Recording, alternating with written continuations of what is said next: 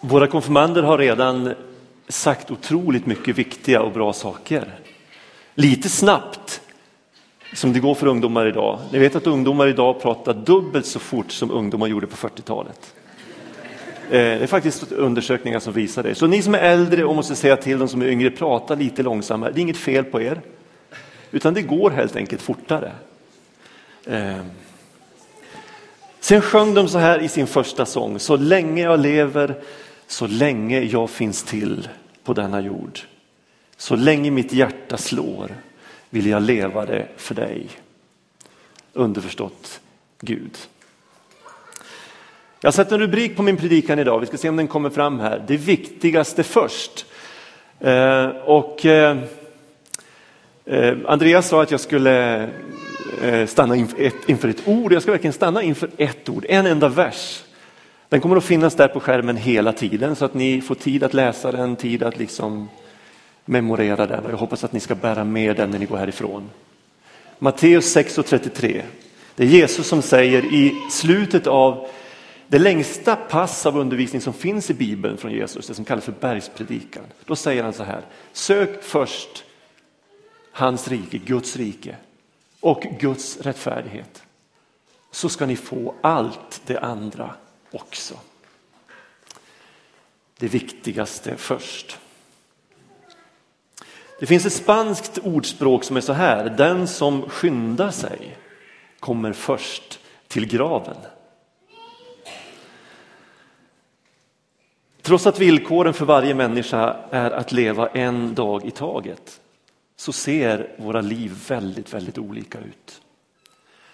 Och generellt kan man nog säga att de flesta tycker att det är mycket att stå i. Livet upplevs ganska stökigt. Och många säger det är, det är mycket nu. Många stressar. Och frågan är om vi tar oss tid för det viktigaste i livet. En del tänker jag får nog tid med det viktigaste en vacker dag när allt har lugnat ner sig. Och egentligen är det ganska ironiskt att vi hoppar över det viktigaste på grund av att vi har för mycket att göra. Jag minns ett tillfälle när, när, för, när den gamle LO-ordföranden Gunnar Nilsson var inbjuden till en stor pastorskonferens i Stockholm och man ställde en massa frågor till honom. Och till sist ställde man också frågan till honom, skulle du Gunnar Nilsson kunna tänka dig att bli en kristen? Och vet ni vad han gjorde? Han tog ett steg framåt och så höll han upp sin almanacka mot församlingen och så sa han, hur skulle jag hinna med det också? Jag ska läsa några ord från en, en klok holländare som heter Levis Smedes. Han skrev så här för många år sedan. Igår köpte jag en alldeles ny almanacka, samma sort som jag använder varje år, spiralbunden med svarta pärmar. Eh, I läderimitation som omsluter sida efter sida med tomma rutor. I varje ruta står en siffra som påminner mig om vilken dag i månaden jag befinner mig på just nu. Varje ruta ramar in ett avsnitt av mitt liv. Innan jag är färdig med boken kommer jag att ha fyllt rutorna med kurser som jag undervisar i, personer som jag åt lunch med, evinnerliga styrelsemöten som jag genomlider. Och det är ändå bara de saker jag inte har råd att glömma bort. Jag fyller också rutorna med saker som jag inte skriver ner för att minnas. Tusentals koppar kaffe, lite kärlek, lite bön och hoppas jag några hjälpande händer till min nästa. Allt jag gör måste rymmas inom de här rutorna i min almanacka. Jag lever en ruta i taget. De fyra strecken som utgör rutan är tidsramarna som ordnar mitt liv. I varje ruta finns en osynlig dörr som leder till nästa ruta. Som genom en ljudlös rörelse öppnas dörren och jag dras in som en magnet och sugs in i nästa ruta i ordningen. Där kommer jag återigen att fylla den tidsram som binder mig. Fylla den med upptagenhet, precis som jag fyllde den förra rutan. I takt med att jag blir äldre tycks rutorna bli mindre. En dag kommer jag att gå in i en ruta där det inte finns någon dörr. Det kommer inte att finnas någon mystisk öppning. Och jag kommer inte att gå in i rutan intill. En av rutorna kommer att vara den sista och jag vet inte vilken det blir. Den där bibelversen som står där under den där rubriken skulle jag vilja illustrera med hjälp av lite hjälpmedel här. En tom burk. Låt den här burken handla om ditt och mitt liv, eller det här är ditt och mitt liv. Och så sanden som eh, kommer att representera alla måsten som du och jag måste ta tag i. Och de här bollarna återkommer jag till. Får jag gå igenom alla måsten med dig? Det kan tyckas onödigt, men det kan vara ganska trevligt ändå att gå igenom dem.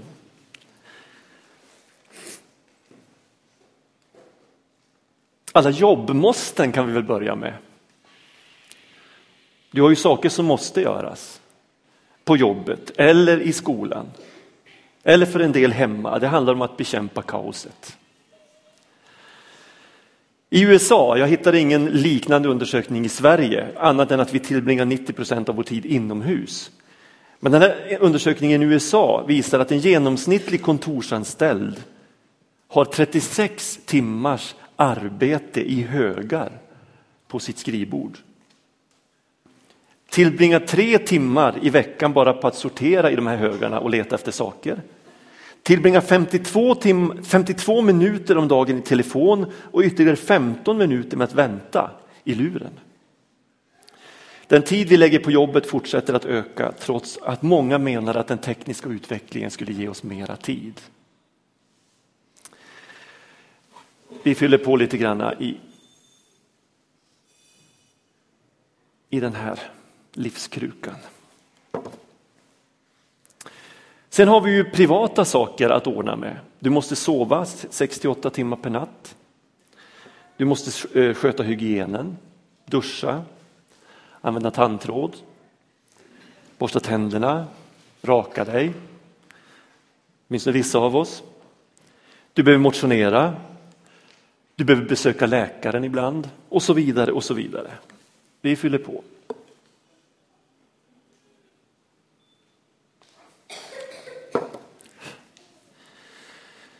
Hushållsarbetet tar ju lite tid, återigen för vissa.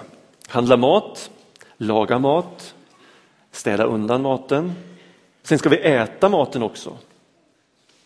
Vi köper mikrovågsugnar för att minimera tiden och någon har sagt att vi tillhör den generation som står framför mikron och otåligt uppmuntrar den att raska på. Det ska städas.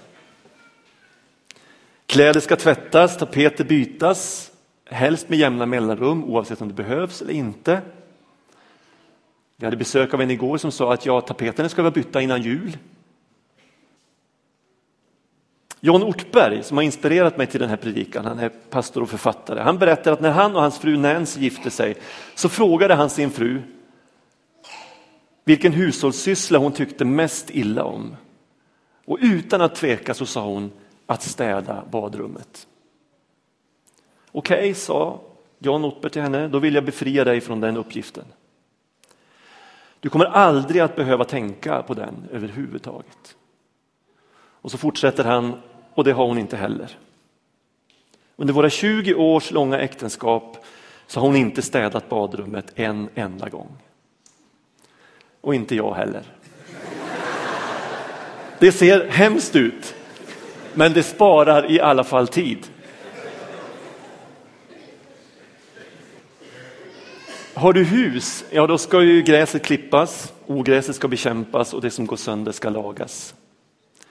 Bilen ska skötas och helst bytas oftare än nödvändigt. Vilket innebär att du måste jobba ännu mer för att kunna betala din nya bil. Och när du väl har bil så kommer du att ägna ett halvår av ditt liv till att vänta på grönt ljus. Ett halvår av ditt liv.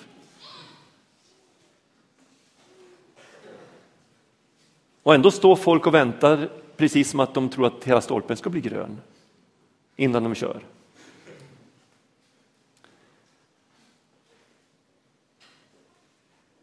Häromveckan så, eh, ja jag kommer till det förresten. Tillhör du genomsnittet så ägnar du en dryg timme om dagen åt att pendla. Och för att spara tid så försöker du utnyttja biltiden genom att göra flera saker samtidigt. Det näst farligaste och det näst näst farligaste som vi ägnar oss åt eh, medan vi kör bil, det är att prata i mobiltelefon och att sminka sig. Och Det farligaste som vi ägnar oss åt när vi kör bil, det är att läsa.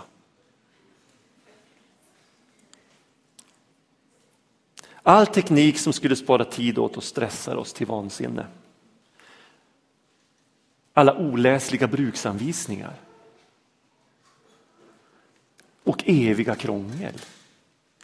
Dagligen träffar jag människor vars liv kompliceras av att datorn har kraschat.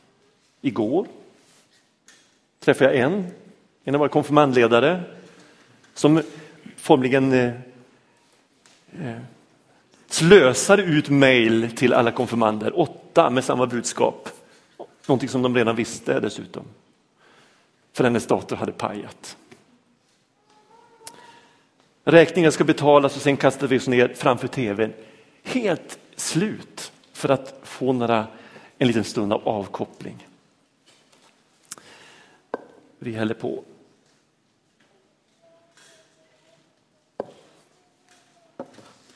Tro inte att vi är färdiga. Vi måste ta hand om de sociala plikterna. Har du barn så ska de till skolan, till spellektioner, till idrottsträningar, till övernattningar. Och så har du alla släktingar som du borde besöka men som du inte har besökt och därför har lite dåligt samvete. Sen har du fritiden, semestern ska planeras, din hobby måste få sin tid. Tidningarna som du prenumererar på måste du ju läsa åtminstone för samvetets skull.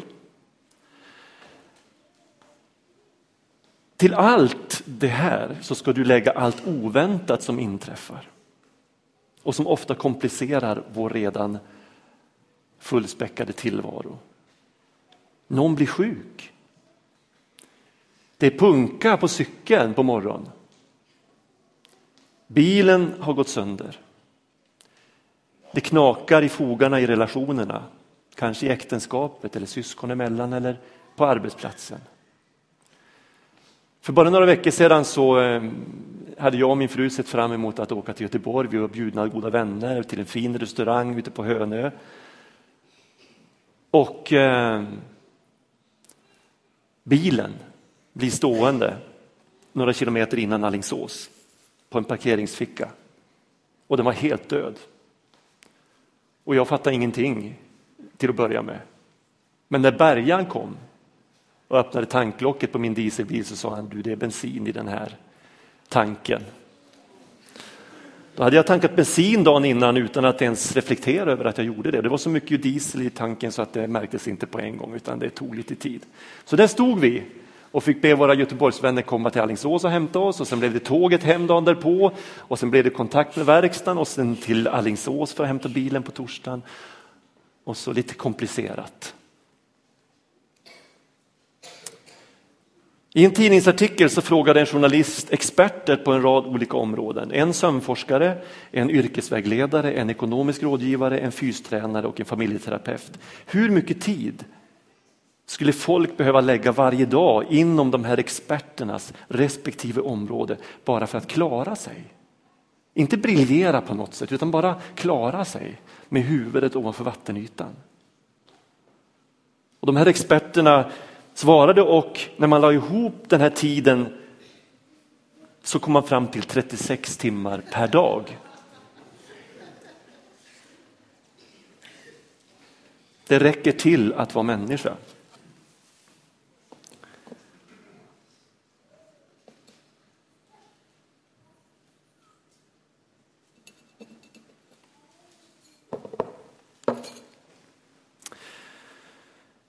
Vi trixar och vi anstränger oss till bristningsgränsen men ändå är vi inte tillfreds. Det finns andra saker som, är, som vi åtminstone anar är viktigare än det som just nu fyller vår tid. Jesus sa sök först Guds rike och hans rättfärdighet så ska ni få allt det andra också. Det viktigaste får symboliseras av de här, de här bollarna, de här fyra bollarna. Och eftersom burken är det enda liv jag har så är det i, de, i den där burken som de här bollarna ska pressas in. Jag ska berätta lite grann om de här bollarna. Den första bollen, den är märkt Gud. Han är inte en bland flera andra saker, utan han är det viktigaste. Det är det viktigaste. Jag vill inte komma till livets slut och inte känna Gud.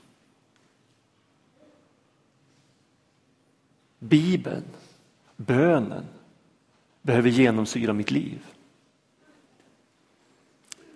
Om Jesus läser vi att tidigt nästa morgon, medan det ännu var mörkt, så gav han sig av därifrån, gick bort till en enslig plats och där bad han.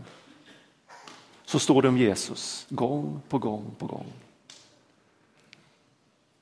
Han hade en relation med sin far i himlen.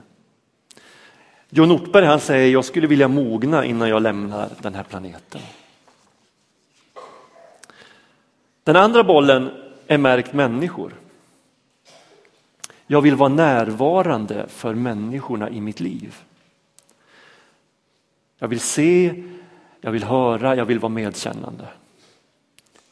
Jag vill att min fru, jag vill att mina barn ska uppleva sig sedda och älskade. Och jag vill odla och vårda djupa och varma vänskapsrelationer. Jag vill vara en god granne. Jag vill vara en bra arbetskamrat. Jag vill inte att de ska minnas en stängd dörr och en diger att göra-lista när de tänker på mig.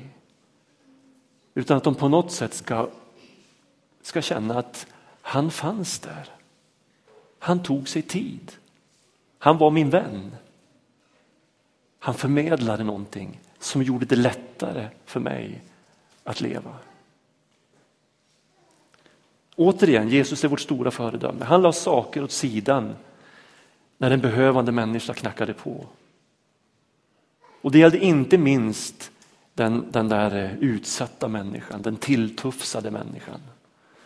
Den som inte riktigt klarar av sitt liv just nu. Där stannade Jesus av och så tog han sig tid. Den tredje bollen är märkt livsuppgift. Jag skulle vilja leva mitt liv eh, som om jag hade ett uppdrag. Som om det fanns en, en djupare mening med att just jag trampar den här jorden. Att det fanns ett syfte, en större plan. Jag skulle vilja utveckla de gåvor som Gud har gett mig. Och åtminstone i några sammanhang göra den här jorden till en lite bättre plats att leva på. Och den fjärde bollen, den är märkt glädje. Åh, vad den här jorden behöver glädje. Vad din och min omgivning behöver glädje.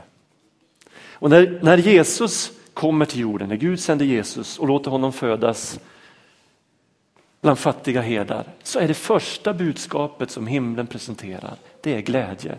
Jag bär bud om en stor glädje för alla människor, sjunger himlakören. Och när Jesus undervisar så säger han att det är för att hans glädje ska vara i oss och hans glädje i oss var fullkomlig. Och det står om Jesus att han var gladare än någon annan människa. Och Paulus säger att vi ska glädja oss, glädja oss i Herren och att glädje i Herren är vår starkhet. På Jesu tid fanns det en rabbinsk tradition som gick ut på att man skulle glädjas inför Gud hundra gånger om dagen. Och det, det innebar att man började redan vid uppvaknandet och gav Gud dagens första tanke och tackade honom för den nya dagen. Gud, människor, en livsuppgift, glädje. Det här måste också få plats i den här burken. Och trots att de här, burk, eh, de här bollarna är elastiska så, så går det inte att få i dem. Jag kan trycka och jag kan skaka men gör jag det för hårt så kommer det här kärlet att brista.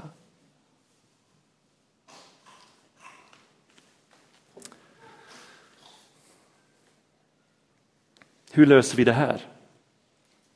Ja, som jag sa så tänker många så här att jag får ta itu med de där prioriteringarna när jag har mer tid. Att det är stressigt nu är bara tillfälligt. Och som de där experterna sa, vi skulle egentligen behöva 36 timmar. Minst 36 timmar om dagen, vilket vi aldrig kommer att få. Burken görs bara i storlek 24. Det finns ingen plusmeny att beställa. Vem kan med alla sina bekymmer lägga en enda aln till sin livslängd, säger Jesus. Lösningen på det här problemet är både enklare och mycket mer radikal än vi kanske först förstår. Det handlar inte om att göra om det nödvändigaste till små kulformade miniplikter som ska passa in i det övriga livet, i det vanliga livet. Vi måste göra något mycket mer drastiskt. Vi får börja om.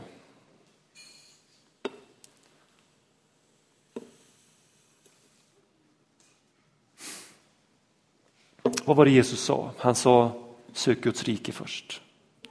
Börja med det viktigaste i livet. Så ska allt det andra tillfalla er, eller så ska ni få allt det andra också.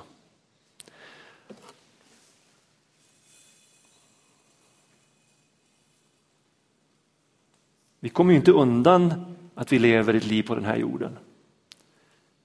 Det finns oerhört mycket som vi måste ta tid med.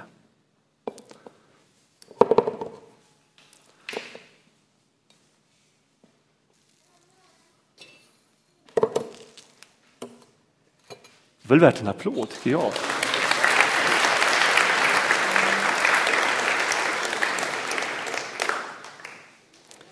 Sök Guds rike först så kommer allt det andra att tillfalla er. Börja i rätt ände. Och ibland krävs det väldigt, väldigt radikala eh, beslut i ditt och mitt liv för att det ska bli en verklighet. Men låt det här jag har sagt idag fylla dig med tro. Det är inte hopplöst. Det går. Det finns en väg. Gud är inte återvändsgrändernas Gud. Han är öppningarnas och möjligheternas Gud. Och låt mig sluta med Willy Smedes, han som skrev det där visa och kloka för många år sedan. Han sa så här, i takt med att jag blir äldre tycks rutorna bli mindre. Och en av rutorna kommer att vara den sista, jag vet inte vilken det blir. Han dog 81 år gammal efter att ha ramlat ner från en stege.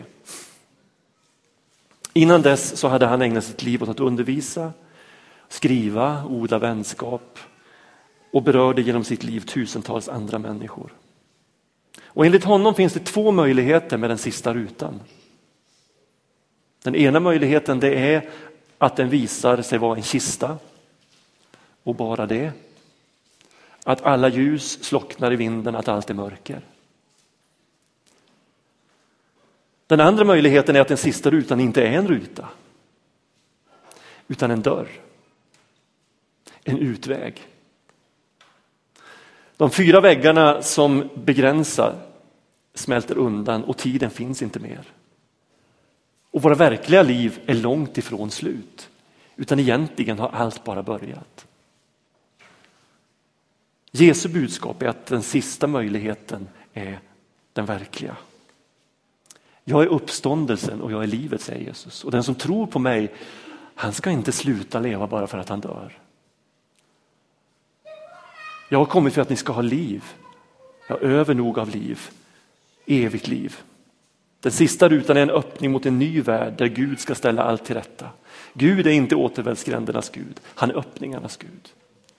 Han är möjligheternas Gud. Hur vill du leva fram till den sista rutan? Ingen annan kommer att besluta det här åt dig. Utan det handlar om att du och jag bestämmer oss. Hur vill jag leva mitt liv fram till den sista rutan? Och jag hoppas att jag idag har talat tro.